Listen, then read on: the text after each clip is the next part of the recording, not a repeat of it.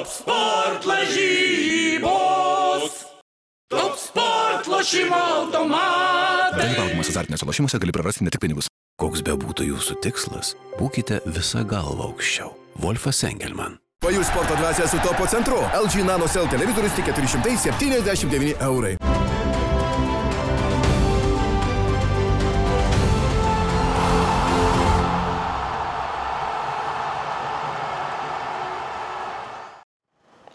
Labas rytas, skrienčio kamulio draugai, labas rytas, 15 min žiūrovai. Šiandien Europos čempionate laisva diena. E, Rungtynių nėra, tačiau mes vėl studijoje, nes apie Europos čempionatą galima kalbėti tikrai kiekvieną dieną ir tai nėra tik rungtynės, tai yra dar daug visko, kas yra aplink tą turnyrą. Šiandien studijoje kolega Gintaras Radauskas ir krepšininkas Gabrielius Maldūnas, panevežio Lietkabelio. Krepšininkas reikia e, pabrėžti tai ir Žinom, kad krepšininkai šiaip domisi futbolu, ypač per tuos didžiuosius turnyrus, matom ir rinktinė būna susirinkusi, žiūri per televizorių, kas vyksta, bet kaip suprantu, pats esi na tas ne tik didžiųjų turnyrų gerbėjas, bet šiaip tau futbolas labai patinka, ar ne? Tai kaip gimė ta meilė šitam sportui? Taip, tai labas rytas visų pirma ir um, jau futbolą palaikau, nežinau, nuo, nuo 2002 metų, man atrodo, pasaulio čempionato, tokias jau pirmo, pirmi prisiminimai, kai žiūrėdavau per televizorių, o...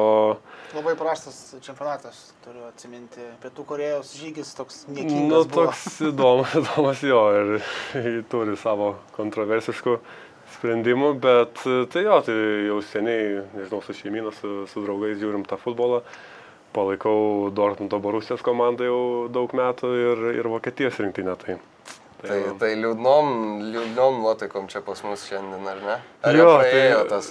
tai po pralaimėjimo iš karto buvo liūdnoka kelias valandas, bet nieko ką, gyvenimas tęsis ir, ir toliau.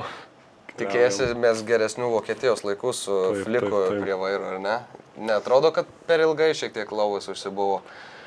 Ir Na, ta pas- galbūt nuotaika, kad na, paskutinis čempionatas jau visi tokio atsisveikinimo nuotaikom, nemanai, kad tai galėjo kažkiek duoti komandai. Gal kažkiek ir galėjo takoti, nes jau matėm ir 2018 pasaulio čempionatas e, nebuvo sėkmingas Vokietijai ir, ir per tuos tris metus irgi ne, ne kažin kiek, kiek patobulėjo lovas, tai gal, gal, gal ir šiek tiek per daug užsisėdėjo.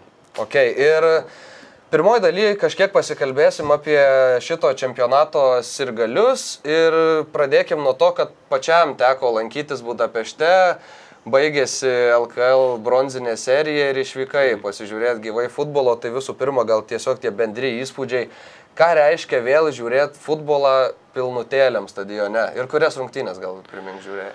Jo, tai gal pradėsiu nuo pradžių, tai, tai mes dar prieš karantiną, dar du- 20 metų pradžioje, kai dar nieko nebuvo, tas koronas su draugais savo septyniese mes nusprendėme nusipirkti bilietus ir vykti į čempionatą. Tiesiog ir rinkomės miestą, tai išsirinkom Budapeštą, nes, nes norėjom su automobiliu vykti ir, ir pasidaryti tokį Eurotripą, kaip ir sakant. Bet artėjant čempionatai dabar jau galvojom tikrai bus atšaukti bilietai, nes nežinojom, kiek čia, kiek, kaip čia su to korona viskas bus. Tai, tai visi pradėjom planuotis savo vasaras savaip ir, ir žiūrim, kad likus čia keliom savaitėm iki čempionato, kad Budapeštas pranešė, kad 100 procentų ir gali priims. Tai, tai teko suktis iš situacijos ir, ir mm, pasibaigus vos sezonui, mums šeštadienį, ne, jo penktadienį uždėm pasinas rungtynės su Utenos įventus ir, ir žiūriu, kad pirmadienį jau reikia vykti, vykti Budapeštą, tai su draugė greitai sėdome, į ma- su žadėtinė tiksliau, sėdome mašiną ir per visą Lenkiją važiavom į Budapeštą. Ai, tai Tai mašina va, važiavot. ne, Jo, jo, su, su, su mašina per Lenkiją visą, tai čia gavos tokia trumpa, greita kelionė, bet, bet ilgai praleista mašinai Jo. laiko. O pats O Budapeštas. šiaip Budapeštas. Nesijautė kaip nusikėlus kokiais dviem, trim metais atgal, kai, na, viskas buvo normaliai ir niekas apie COVID net minčių neturėjo. Realiai panašiai ir jautėsi, nes vos įvažiavom į miestą, tai vien tik kamščiai, visi žmonės nuvažinėjo su mašinom, vaikšto po miestą, kažkaip net nieko nesijautė ir paskui greitai įvykom į stadioną. Ir ten um, yra toks, nu, tokie kaip kioskai padaryti, kur tu parodai dokumentus visus COVID, ten skiepų ar testų ir tau duoda apyrankę. Ir tu tik su tą apyrankę gali eiti į stadioną. Tai, tai pasiėmėm tą apyrankę ir ten įdomiai padaryta, kad rungtynės buvo Vengrija, Vengrija, Portugalija. Ir yra tam tikri e, slotai, pu- pusvalandžio slotai, per kuriuos reikia būtinai į stadioną ten, kad mažinti srautus turbūt. Tai rungtynės prasidėjo šeštą, o mums būtent reikėjo eiti nuo trijų, nuo trijų iki pusę trijų. Oho. Tai ten labai taip keistai atrodo, ką mes ten veiksim tam stadione 3 valandas prieš rungtynės. Tai... Bet nieko, įėjom, ten galima pasivaikščioti aplink tą areną, kai geras oras, ten gražu visai, padarytas toks pusiau stadionas, e, takelis bėgimo ir Pramogų žodžiu. dar, pramogų ne? tokių. Nu, ne, nebuvo aišku per daug, ten Jo. yeah. kaip fanų zonos, bet, bet tiesiog žmonės savo ant pievutės, pievutės Tai čia, ten. atsiprašau, čia, ta prasme, į zoną reikėjo eiti tam, tam tikrų Jo, jo, laikų, ne, ne į aplink patį stadio- savo aplink stadioną aptverta tokia zona ir, jai tiesiog reikia eiti, kad turbūt, kad srautus reguliuoti. Bet ten valgyti ar atsigert kažkokį. Jo, jo, galima, galima, buvo. Buvo, tai va, tai atrodo, tris valandas ten reikės laukti, tai, bet kažkaip neprailgo tas laikas, su, draugė atsisėdom, tiesiog laukiam, nusipirkom atributikos, pavalgyt, alaus šiek tiek. Po sezono galima, ne? galima, galima atsipalaiduoti. Tai Okay, va. o pačiam stadione, na, matei Vengrijos rungtynės, tai įtariu, kad atmosfera turėjo būti nereali. Ypač po tokio il- Jo. ilgo laiko, kai nei per krepšinio rungtynės tos atmosferos nejautė tokios. Mm. Jo, buvo labai įspūdinga iš tikrųjų, kiek ten 60 ar 65 tūkstančių žiūrovų. Ir um, keista labai, kad visi be kaukių buvo. Tai toks labai... O buvo privaloma ar tiesiog visi be kaukių? Na, šiaip ženklai buvo, kad reikia tų kaukių, tai visas personalas ten e, apsauginiai, darbuotojai su kaukiam, bet žmonės ten tie vengrai tokie labiau konservatyvūs, gal ne- nelabai, ne jie su savo labiau viską A. reguliuoja, tai, tai, tai be, be, be kaukio buvo žiūrovai. Tai, O ku- kurioje vietoje stadione sėdėjo, tai atsimenam iš televizijos transliacijos, kad už vienų vartų ten buvo ta ultruminė, ar ne, su juodais marškinėliais, ten, Jo. kurie labai jau ten agresyvesni tokie, ar ne? Tai jūs mes- toj pusėje ar Ne, me- jų? mes kaip tik priešingai pusėje sėdėjom, bet tai aišku, iš, iš toli atrodo gražiai tie visi ultros, kai ten ploja, palaiko komandą visas skanduotės, bet ten, žinant jų tą istoriją visą iš arčiau, tai Geriau ar, arčiau net neįti, Jo. ar ne? Turbūt.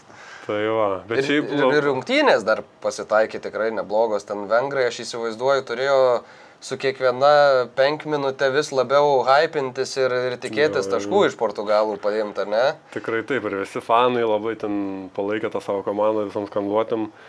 Ir manau, dar šiek tiek nukrypsiu, bet šitas čempionatas kažkiek žavus tuo, kad jis vyksta įvairiose, šal, įvairiose šalyse.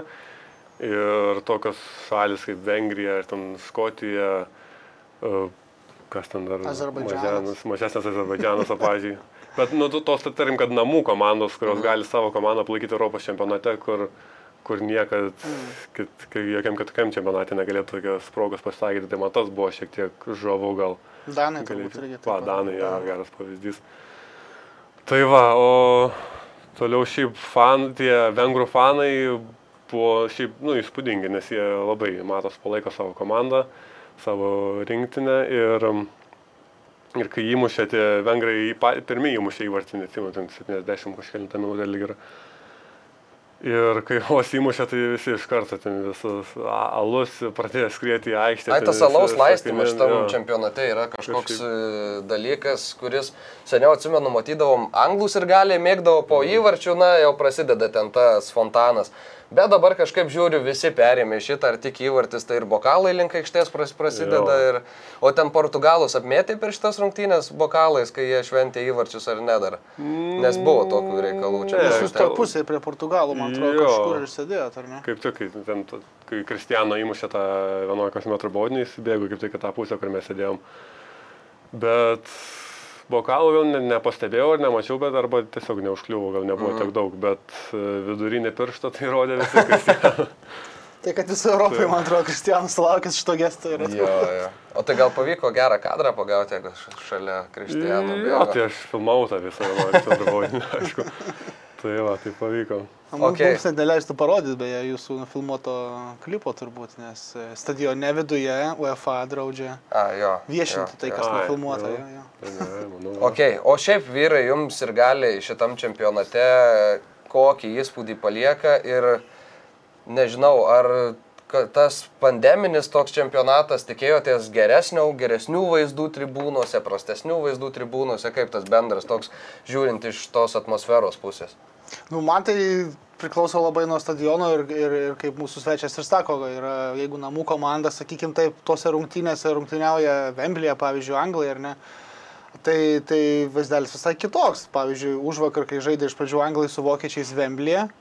Ir tada žaidė Škotijoje, Glasgow stadione, kas tai žaidė Ukraina su Ukraina su Švedija. Ne, tai man buvo kaip, kaip Queenų koncertas ir kaip Dambrauskas šventoji. Kažkas tokio, skirtumas atmosferos buvo maždaug toks. Ten ukrainiečiai bent jau susibūrė buvo į vieną kažkur vietą, turbūt pažeisdami tas taisyklės, bet, bet buvo bent jau kažkiek solidžiau negu ten švedų pa- pabiručiai tokie ten sėdė ir, ir, ir, ir viskas, nežinau. Šiaip tai man atrodo neblogai, tik tai vat, mes jau prieš laidą šiek tiek aptarėm, kad žiūrėsim, kas bus ir kas jau vyksta su, su COVID atvejais, nes e, škotai, kurie siautėjo Londone namo, parsivežė kel, ke, beveik tūkstantį, man atrodo, atvejų tiesiogiai siejamų su būtent apsilankimu būtent tam Lo- Londone ir to siautėjimu. Tai, ir, ir svarbiausia, kad jie buvo išvažiavę, e, jie jau buvo užsikrėtę, bet dar to nežinojo, tai reiškia, kad tuo metu galėjo Vemblį ir jo apylinkėse užkrėsti dar galybę žmonių. O Žinom, kad dėl tos atmaina jau po Europą skrajoja, tai labai įdomu, kas čia bus. Iš tikrųjų yra jau kalbų, kad e, Londonas gali tekti gali tekti Londonui susimažinti vietų skaičių vėlgi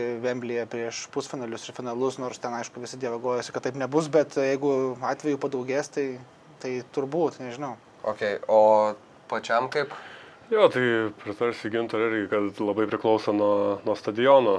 Tai kaip ir matėme ir, ir nuo pačių rungtynių, pavyzdžiui, mano ir mano sesės vyras, jis gyvena Londone, tai buvo Vemblio stadione, kai žaidė, jis pats italas yra, tai tada Italija Austrija žaidė, tai sakė, matosi žmonės labai pasilgė to visokių tų renginių tiesiog, kad būtų, e, nu, daug žmonių susirinktų į vieną, į vieną vietą ir tų futbolo rungtynių, bet sakė, kad atmosfera dar nebuvo tokia, kad kažkas wow ir O va, kai matėme, kai anglai žaidė prieš vokiečius, tada jau, jau jautėsi tikrai. Šiaip anglų, anglus ir gali, na, gali mėgti, nemėgti, man nelabai patinka, ypač tas hypas kažkoks jų per didelis, visada kūriamas ir tas didėjantis su kiekvienu pereitu etapu. Bet, na, reikia pasakyti, kad atmosferą jie kūrė tikrai nuostabę ir ten po įvarčių, kai rodo, koks išprotėjimas vyksta, kur ten atrodo tentus visus suplėšys į aikštę išbėgs pusėje, tai, na, kažkiek žavu, aišku, pačiam gal nebuvo žavu labai žiūrėti juos ten triumfuojančius.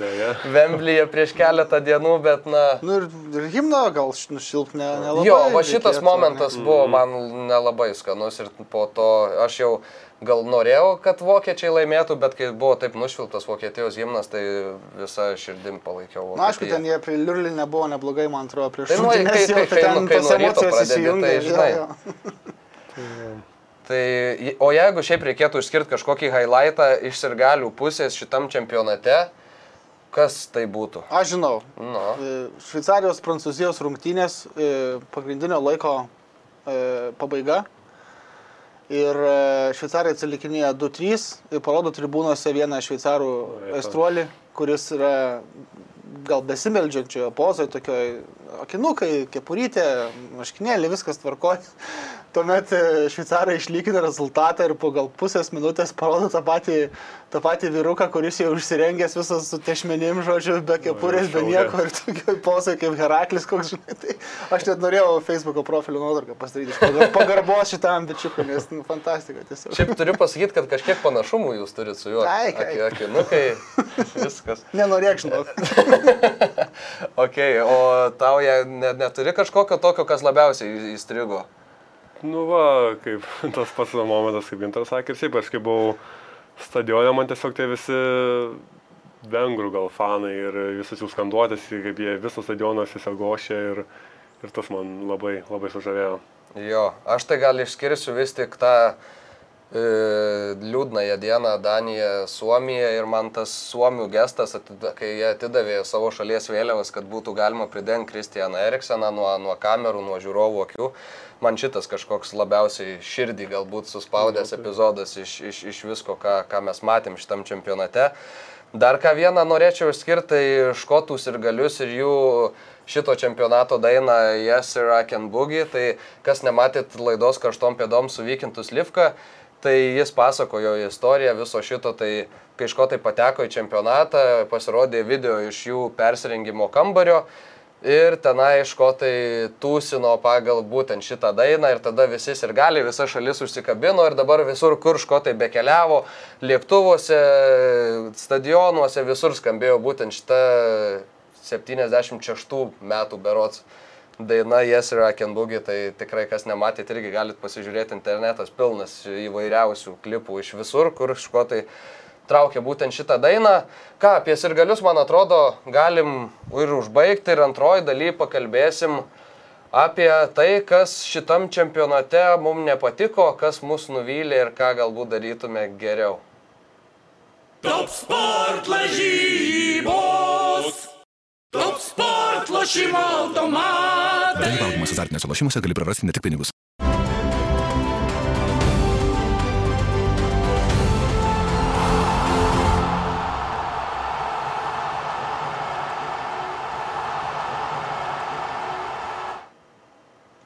Taigi pauzė trumpa baigėsi.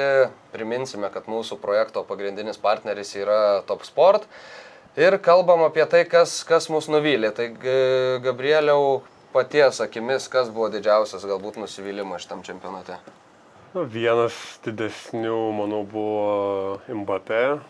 Jis, kaip ir matėme, jis neįmušė nei vieno įvarčio, padarė keli, kelis rezultatyvius perdavimus, bet manau, iš jo buvo tikimasi daugiau ir gal jis pats iš savęs daugiau ar per daug ti- tikėjosi ir gal tiesiog perdegė, ar kaip, kaip, kaip būna sportininkam, mum, man pačiam irgi dažnai tai kartais pasitaiko, kad, kad tiesiog nori kuo, kuo geriau pasirodyti, bet e, gaunasi, gaunasi visai kita pusė. Tai gal tas Mbappé ir tiesiog visa Prancūzijos rinktinė šiek tiek e, nuvylė, nes gal tas Benzema į, įs- įspraudimas į komandą buvo šiek gal ar per vėlyvas, gal reikėjo gal jį anksčiau pradėti integruoti, kad nes nuo 2015 metų, kaip žinom, jis ne, nežaidė susirinktinę, tai, tai gal rūbiniai kokių, sutrikimų buvo ar panašiai. Tai va, Jo, tai ir... Tai aš norėjau kaip tik ir pridurti, nes mano vienas iš tų nusivylimų ir yra Prancūzijos rinktinė visa, būtent ir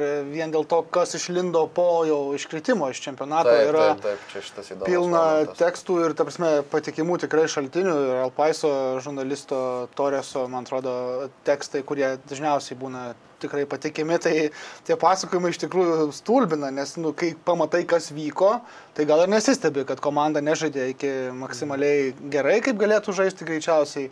O vyko tai, kad, pavyzdžiui, Rūbinėje e, daug kas pyko e, iš tikrųjų ant, ant to paties Mbappé, dėl to, kad jisai toks išskridęs šiek tiek, pasak šaltinių, išskridęs, arogancijoje šiek tiek paskendęs ir tokiam kosmosėlėje savo pasaulyje gyvena, su komandos draugais nelabai ir bendravo apskritai ir tarp, tarp, tam tikrą prasme ir Benzema grįžimas nepadėjo komandai, dėl to, kad irgi, kiek suprantu, daug kas buvo nustebę pačioje komandoje, kaip čia taip e, šešeri metai ar kiek ten be, be rinktinės ir staiga net ne kovo kokį mėnesį, ar ne, ar ten balandį, kai dar yra laiko apšilt kojas, ten su visais susibendrauti iš naujo.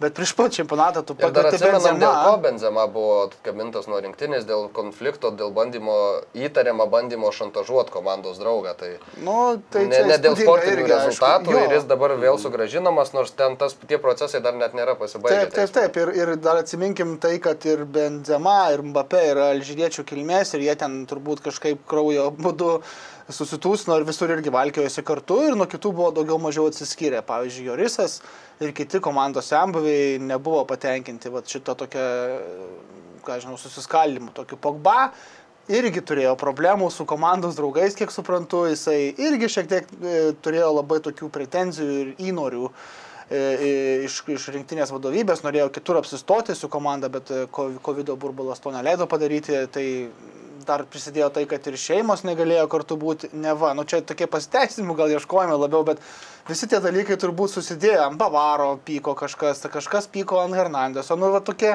niuansai, o, o per pačias rungtynės su Šveicarija dar buvo jokinga situacija, kai tribūnose sėdėjo krepšiai iš tų futbolininkų giminaičiai, nu šalia vienoje vietoje, ar ne, ten vipinės tribūnos, ar ne. Ir, pavyzdžiui, Adriano Rabio mama pradėjo pulti Mbappé tėvą dėl to, kad pramintų savo sūnų ir kad nebūtų tas sūnus toks arogantiškas, ne, kad nebūtų toks pasikėlęs. Tas neliko skolingas Mbappé tėvas, pradėjo aiškinti, ką tu čia kalbė, tavo, su, tavo sūnus vien, vien tik tai klysta aikštelėje. Tada to paties Rabio motina su Polio Pogba broliais pradėjo pyktis. Rungtinių pabaigoje, kai jau įtampa buvo, aišku, begalinė, tai pradėjo py... garsiai laidyti pastabas, kodėl Paulio tavo, tavo jūsų brolis čia taip klysta. Tai tada tie broliai irgi neliko skolingi, sako, pažiūrėk į savo sūnų, jis klysta daugiau negu mūsų brolis. Nu, tai yra kažkokia fantasmagorija. Cirkelis, aš taip Cirkelis pasakysiu. ir t- sakyčiau, kad tada visos šitos strėlės susiveda man į Dešamą, kuris visiškai, reiškia, nesuvaldė situacijos komandai. Absoliučiai, man atrodo. Jo. Galbūt tas vat, žvaigždžių statusas ir pakenkia, kai tiek daug žvaigždžių, tai ateina debesis ir uždengia visą tą dangų turbūt. Jo, tik tai tiek, kad mes matėm 2018 metais, kaip šita komanda, kokia jinai gali būti ir kaip jinai Taip, Mbappé, bet Mbappé dar buvo kitoks, jis buvo kuklus jaunas bičiukas, Taip, ne? taip, taip. O dabar jau, vat, Aišku, nežinau, sutiksit ar ne, bet e, mano nuomonė, Mbappé tikrai netapo prastesnių žaidėjų po šito čempionato.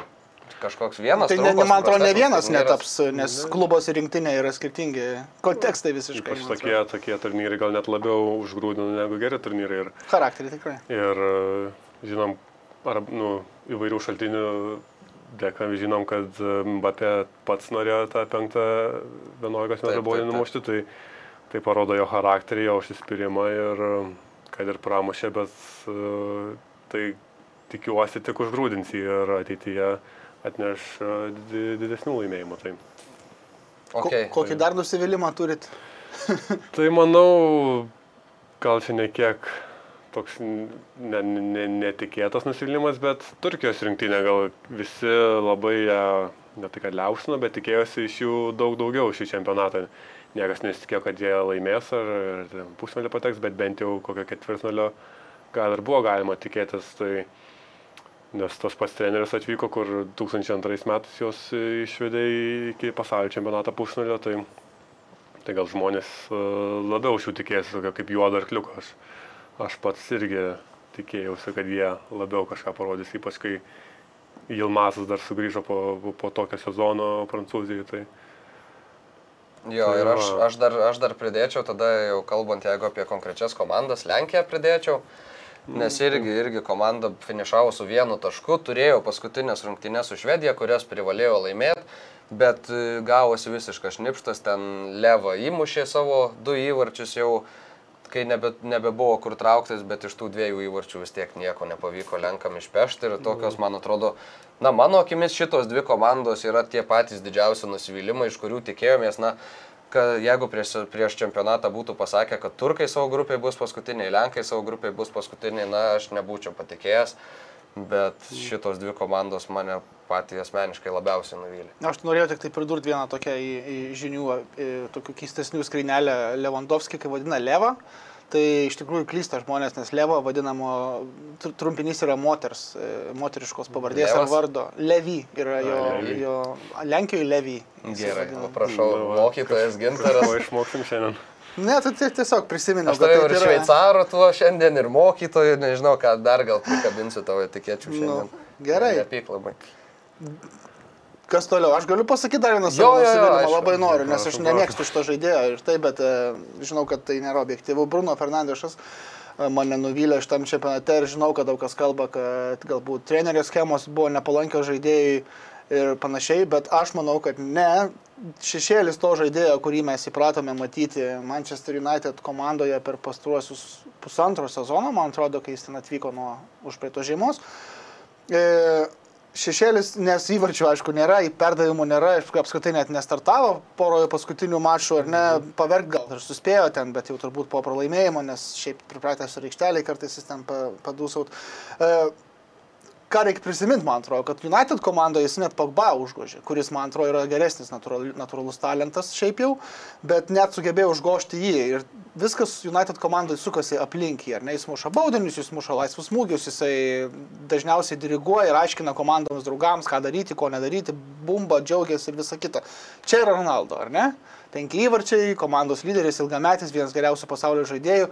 Ir staiga situacija taip neva pasikeičia turbūt paties Bruno galvoje, kad jisai nebegalėdamas būti lyderiu, jisai visiškai susitraukia į kampelį, kaip vaiduoklis, jis, jos, jis nematomas. Ir man atrodo, kad čia yra labai, sakyčiau, silpnoko charakterio bruožas visų pirma ir neuniversalumo bruožas. Dėl to, kad kai Taip, Ronaldo be abejo, jisai turbūt negali nebūti lyderiu, bet kai buvo United komandoje Ronaldo ir ten buvo Veinas Rūnis, kuris irgi puikus žaidėjas, Seras Aleksas Fergusonas pastatė Rūnį į kampą, į kraštą, žaisti plačiau ir niekam nekilo jokių problemų, Rūnis irgi žaidė puikiai. Tai Bruno Fernandešui irgi niekas netrukdytų, jeigu jisai yra tikrai vienas geresnių žaidėjų pasaulyje, prisitaikyti prie situacijos ir bandyti išpešti maksimumą iš to, iš to kas yra aikštelėje. Nu, nežinau, kodėl negalima, man atrodo, to paties pasakyti, pavyzdžiui, apie Bernardo Silvą. Jis žaidė šiek tiek geriau, irgi prastai, bet šiek tiek geriau, ar ne? Ten ar Renatas Sančiasas irgi rungtyniavo gerai. Kažkaip susikaupė ir lakstai, o ten kažkoks susitraukimas įvyko, man atrodo, psichologinis. Ir tai man nepatinka kaip bruožas žaidėjos apskritai. Jo, ir man atrodo, kad ir treneris gal kažkiek matė būtent kažką panašaus, ką tu sakai, ir dėl to tas žaidėjas ir nebuvo startiniai sudėti, kuo visi labai stebėjosi, bet, bet nevyksta tokie dalykai be priežasties. Dar nusivylimų yra. Jo, man asmeniškai, aišku, Vokietijos rinktinės du poliai saugai tokie, e, tai Sane ir Gna, Gnabri gal šiek tiek nuvylė, nes, nežinau, man Sane jau, aš kaip sėk, Vokietijos fanas turiu jį palaikyti, bet, bet man jau nuo, nuo senų laikų, nuo Manchester City dar laikų nelabai jis imponuoja kaip žaidėjas, toks atrodo laksto po tą aikštelę, buvo šiek tiek gal arogantiškas, su, su savo ego dar daug labai nepasiekęs, bet, bet jau atrodo jam, kad turi savo statusą. Tai, tai gal šie du žaidėjai man nelabai, ne, ne, ne, nelabai imponavo šį, šį čempionatą. Ok, aš paminėsiu trumpai, nes nelabai yra daug ką plėtotis šitoje vietoje, bet ispanus ir gali linkėję mirties moratos vaikams. Man atrodo, kad čia, na čia kaip pavyzdys, bet vis, visas šitas heitas, kuris supa kai kada žaidėjus, komandas, tas tarkavimas begalinis ir peržengiantis visas ribas. Tai Morata man labai patinka, kad gauna dar tokį trenerio pasitikėjimą, būdamas šitoje situacijoje, kad visa komanda yra už jo ir kad jis galiausiai ir, ir įvartį savo pelnė paskui po viso šito įvykio ir sako, e, pats Alvaro, kai kalbėjo, jisai sako, na aš suprantu tą kritiką, aš ją priemu ir, ir, ir viskas yra tvarkoj, bet kai tai pradeda liesti tavo šeimą, kai tai pradeda liesti tavo vaikus ir jiem yra linkima mirties, tai, na, sako, šitų dalykų jau negali būti. Pačiam, kai sportininkui nėra tekę susidurti su kažkokiu sirgaliu, kuris, na, peržengia kažkokias ribas su savo kritikos dozėm. Na, asmeniškai gal ne, bet aš labai, labai suprantu Moratą ir visiems, visus, ku- kuriems e, tai nutinka, nes tikrai nėra smagu, atrodo, tu vis tiek žaidži, stengiasi iš visų jėgų, nu, kartais tiesiog nu, ne, nesiseka ir nieko čia ne, nepadarysi. Ir, ir kai sulaukia tokios kritikos, tai labai neskanu. Man atrodo, ir- lik specialiai. Nu, ta prasme, specialiai nepataikė, į vartus neįmetė į krepšį paskutinę minutę. Nu, ta prasme, kažkoks... Bet a, aš vis sakau, kad nelabai reiktų kreip, kreip dėmesio. Aišku, nėra Sunku, lengva, kai tave atrodo, ten tagina kokiam Twitter'e ar ten Instagram'e tagina ar ten sako muerta ar ten kažką. Nu, bet jo, gal, gal, ir nežinau. Taip. Nes aš vis sakau, pavyzdžiui, Delfio komentarai, mes irgi galime atsiversti bet kokį kontroversiškesnį temą komentarų sekciją, ten 600 komentarų, iš kurių 500 bus absoliutus ten heitas, ta prasme, ir visokiais žodeliais, ten su taškiukais pridėliotas, kad ne, cenzūra nepagautų iš serijos. Ir, nu, bet vis laik reikia atsiminti, kad komentuoja tai dažniausiai nestabilios psichikos žmonės. Šiaip normalų žmonės net nelenda jokius komentarus, tai tą reikia atsiminti, man atrodo. Jo. Aišku, bet aišku, lengva šnekėti, kai, kai mums to nenutinka, bet kai, kai pačiam tas atsitinka, apie, apie tave šneka blogai ir, ir ypač grasina tada tavo šeimai, nu, tai tada jau ir pats, at, nu, logiškai supranti, kad nereikia tokius dalykus reaguoti, bet Bet pasąmonė. Ne, tai aišku, kad kaip šeima tai yra šeima vis tiek. Jo. sunku. Girdėjau apie UEFA turi kažką pasakyti, ar ne? Na, taip, žinai, gal šiek tiek turiu jo, yra momentai keli, labai daug priekaištų turbūt neturiu, nes šiandien vis dėlto vyksta ir vyksta kol kas sėkmingai ir tikrai nėra atšaukiamų rungtinių, kol kas vienerios, man atrodo, turėjo būti atšauktos, e, net ne tik sustabdytos, o nukeltos į kitą dieną. Tai vad man nepatiko UEFA, būtent kiek suprantu iš Danijos futbolo federacijos atstovų komentarų, sprendimas e, pasirinkti Danijos rinktinį po jau Eriksono incidento du variantus, arba žaisti iš karto, dabar tą patį vakarą po pertraukėlės, arba kitą dieną 12 val. dienos. Ir aišku, tie būtų variantai Danams atrodė blogi, bet jie pasirinko geresnį iš, blog, iš blogų, sakykim taip. Tai man atrodo, nelabai daug pasirinkimo laisvės po tokio incidento buvo palikta rinktiniai. Ir, nu, ir nenustabu, kad netgi su belgais vieną kėlinį, sakykime, pratempė gerai, gerai užžaisdami. Bet, nu ką, turim ketvirtfinalį ir galbūt turėsim pusfinalį. Komanda gal net ir į naudą visą tai, tu čia labai jau keistai kalbu. Uh, Müncheno stadiono incidentas taip pat, kodėl negalėjo leisti Müncheno stadione užsidegti vaivorykštės, reiškiant, reiškiant paramą LGBT bendruomeniai, žinom, Vengrijoje įstatymai kokie, nu čia keistoka, tada yra visokių tokių smulkesnių VIPs, kai buvo ir yra vežiojami be jokių COVID taisyklių po Europą ir po stadionus. Kodėl? Kodėl pats tas įvaizdis, ar nes vaizdas, kad kažkodėl vis vieni yra lygesni už kitus, ar ne? Azerbaidžiane čempionatas man yra iki šiol kažkoks nesusipratimas. Bet prieš to mes jau esame, man atrodo, įpratę su Katarais, Rusijom. Tai va, va, tai matai Gazpromo reklamą, matai ten kažkokie alipiai, ten ir kinų, nu, ten kiniškos reklamos, stenduose bėgioja. Ne tai, kad investavę gal savaime nieko blogo, bet, nu, tas man ypač Gazpromo, aš suprantu, FA ir čempionų lygo Gazpromas yra ten turbūt čia viskas susiję, ilgametis kažkoks partneris, bet nu, neskanu tiesiog, kad yra gerų dalykų, tiesą sakant, bet man atrodo apie tai, kas džiugina, tai reiktų kalbėti kitą kartą, bet labai trumpai galiu pasakyti, kad patinka teisėjavimas iš tikrųjų šiame čempionate ir patinka VAR sistema, kaip veikia kitaip, pavyzdžiui, negu Premier lygoje, dievaži, skirtumas didžiulis, man atrodo labai tvarkinga teisėjavimas, ta prasme, kad mažiau pražangų, E, mažiau stabdymo rungtynių, tai reiškia, kad ir vidutinis to tikrojo žaidimo laikas yra padidėjęs nuo 56 iki 58 minučių nuo 2016 metų čempionato, kas, kas yra turbūt į naudą žiūrovui visų pirma ir patiems žaidėjams. Jo, aš sutikčiau dėl teisėjimo, bet aš prie to dalykų, kas mane nuvylė ir kas man nepatinka, pasakysiu vieną teisėjimo momentą, kuris man labai kliūna, tai yra, kai nešvilpiamos iš karto, na, akivaizdžios nuošalės. Žaidėjas 2-3 metrai yra nuošalėje leidžiama pratesti ataką ir okay, vis dar, kad nėra nutikę leidus pratesti ataką kažko blogo rungtynėse, nes pavyzdžiui, žaidėjas išbėga, jį ten nukirstų, jis gautų traumą, susidurtų galvom, dar kas nors nutiktų ir tada automatiškai kiltų klausimas, tai jeigu teisėjas šoninis, jis tikrai yra kompetitingas pamatyti 3 metrų nuošalę perdavimo momentu. Bet matai, yra niuansas, kuris įsijungia, man atrodo, kad nebūtinai tas šoninis teisėjas arba aikštės teisėjas gali pamatyti, ar tikrai, pavyzdžiui, nuo puolančios komandos žaidėjo kamuolys skrieja į tą, tam žaidėjui, kuris yra arba nėra nuošalį. Galbūt jis nemato to, kad palėtė kažkokią koją gynėjo, ar ne, aktyviam veiksme, kas reikštų, kad nuošalį neutralizuoja. Aš sutinku, kad, yra yra šituo, kad šituo sprendimu yra atmetama bet kokios teisėjimo klaidos galimybė, nes tu, kad ir kaip pasibaigtų epizodas, tu tada matysi jau tą galutinę fazę ir tada matysi, ar nebuvo pažeidimų prieš tai.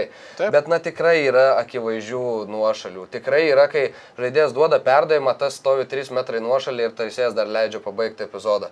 Tai a, a, man viskas yra gerai su šituo iki tol, kol nenutiko kažko blogo. Kai nutiks kažkas blogo, aš nebejoju, kad bus kažkiek pakoreguota. Bet aš tai nesutinku, nes tas ką tu laikai blogo, blogo gali gali nutikti tai, kad bus padaryta klaida, klaida, kuri, taip, toj pusėje, toj pusėje klaida.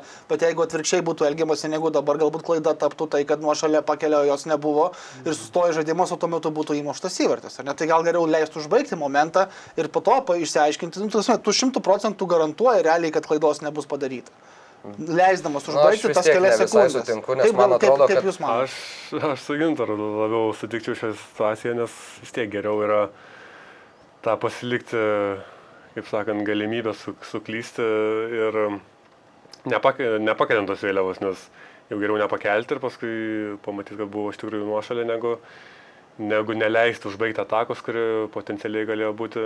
Tai čia tik dėl to taip ir buvo padaryta, kai varas buvo įvestas iš pradžių, tai nebuvo taip, vis, vis tiek dar galėjo kelti nuošalės vėliavėlę, bet dabar pamatė, kad turbūt buvo keli per Europą, per pasaulį incidentai, kurie sustabdė atakas, kurios būtų iš tikrųjų legaliai virtusios įvarčiais. Jo, bet... Buvo viena tokia ataka, kai šveicarai prieš, prieš prancūzų žaidė tai ne nuošalė, bet e, potencialus senogos metrobudinys buvo, kai, kai Zuberį, man atrodo, nugriovė Varanas, man atrodo. Varanas, ar lygiai nebesimenu, kas tiksliai, bet, bet tada iškart nesušilpė, tada nubėgo, atsimenu, visi į kitą pusę ir tik... Dar tada- ten galėjo būti būdinys, man atrodo, ir tada jo, jo. ėjo tikrinti, dar iš pradžių nebuvo aišku, kurį ten epizodą jie Jo, tikrina. jo. Tai va, tai tokia irgi įdomi situacija buvo. Jo, aš sutinku, aš suprantu visą šito sprendimo logiką, bet man atrodo, kad kai kažkas įvyks būtent dėl šito dalyko, kai kažkas nukentės ar kažkuriam žaidėjui sulūž koja, bus kažkiek kitaip pasižiūrėta į visą šitą reikalą. Bet kodėl jinai turi sulūžti? Tai būtų toks pats žaidybinis e, laikas kaip ir iki Taip, visokių švilpukų. Bet je- ta prasme, tai jeigu yra akivaizdi nuošalė ir žaidėjas išbėga vienas prieš vartus ir gauna per koją taip, kaip gavo ukrainietis nuo švedų, ar ne? Nes švedas ginas irgi iki galo, taip pat kaip ukrainietis puola iki galo. Ir Na, tada tu pasižiūri, pakartojame 3 metrų akivaizdi nuošalė, kurios teisėjas nesušvilpė, o jeigu būtų sušvilpęs, nebūtų įvykęs tas epizodas. Aš, man, mano va toks yra pointas viso Na, Nu, aš šito. suprantu, bet, bet nu tai, žinai, jeigu nuimk visus tos švilpukus ir niuansus, tai vis tiek tai yra žaidimas vykstantis, ar ne? Tai nereikia nei nuošalės, nevykt, bet tai ir Švedijos Ukrainos rungtynėse nebuvo nuošalės jokios Ne, konteksto ir, ir, ir buvo... Tai taip, taip, nes traumos yra to viso šito dalis, bet e, aš lieku vis tiek prie šito, kad Gerai, gerai, užsispyrė ir viskas. Ne, bet supratau. diskusijos yra gerai, šitas yra smagu, kai galim čia ne tik, ne tik vienas kitam pritart, bet ir, bet ir paprieštaraut. Žinoma. Ar dar turit nusivylimų vyrai, ar uždarom šitą mūsų Aš turiu. diskusiją? Kad Lietuvos Nu, rinktinės nėra Europos čempionate, esu nusivylęs labai. Okay. Viskas. Tikiuosi, tai- kad ta diena ateis. Kada manot ateis? Ar ateis? Kažkada. O pats kažkada Lietuvos ateis. rinktinę stebi, ar... Jo, stebiu, aišku, futbolo fanas nori ir kad- Lietuvo, Lietuvos rinktiniai pasisektų, tai turiu ir marškinėlius ir viską, tai, tai laukiu geresnių dienų. Ok, tai ką, laukim geresnių dienų ir Europos futbolo čempionate, tikėkime, kad tų nusivylimų bus kuo mažiau, tikėkime, aš buvau prie nusivylimų pasira, pasirašęs, kad nusivylimas tas, kad geriausios rungtynės jau yra sužaistos ir įdomiausios, tai tikiuosi, kad šitas mano sakinys bus dar paneigtas ateityje.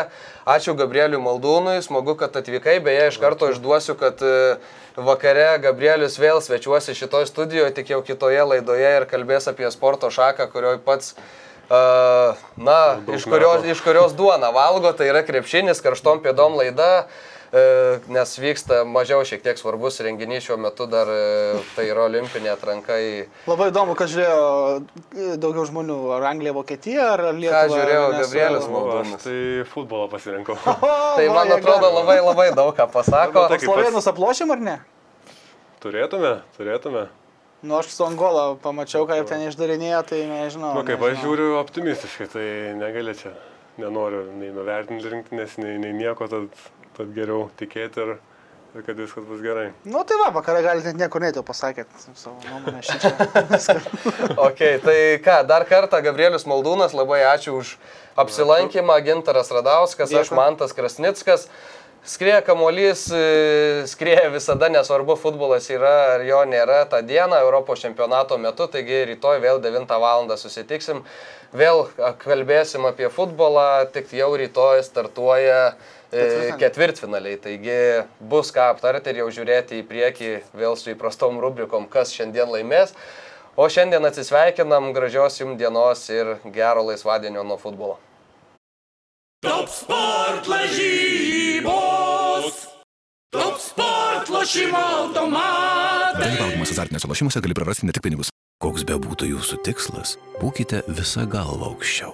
Wolfas Engelman. Pajus sporto dvasia su topo centru. LG Nano Cell televizorius tik 479 eurai.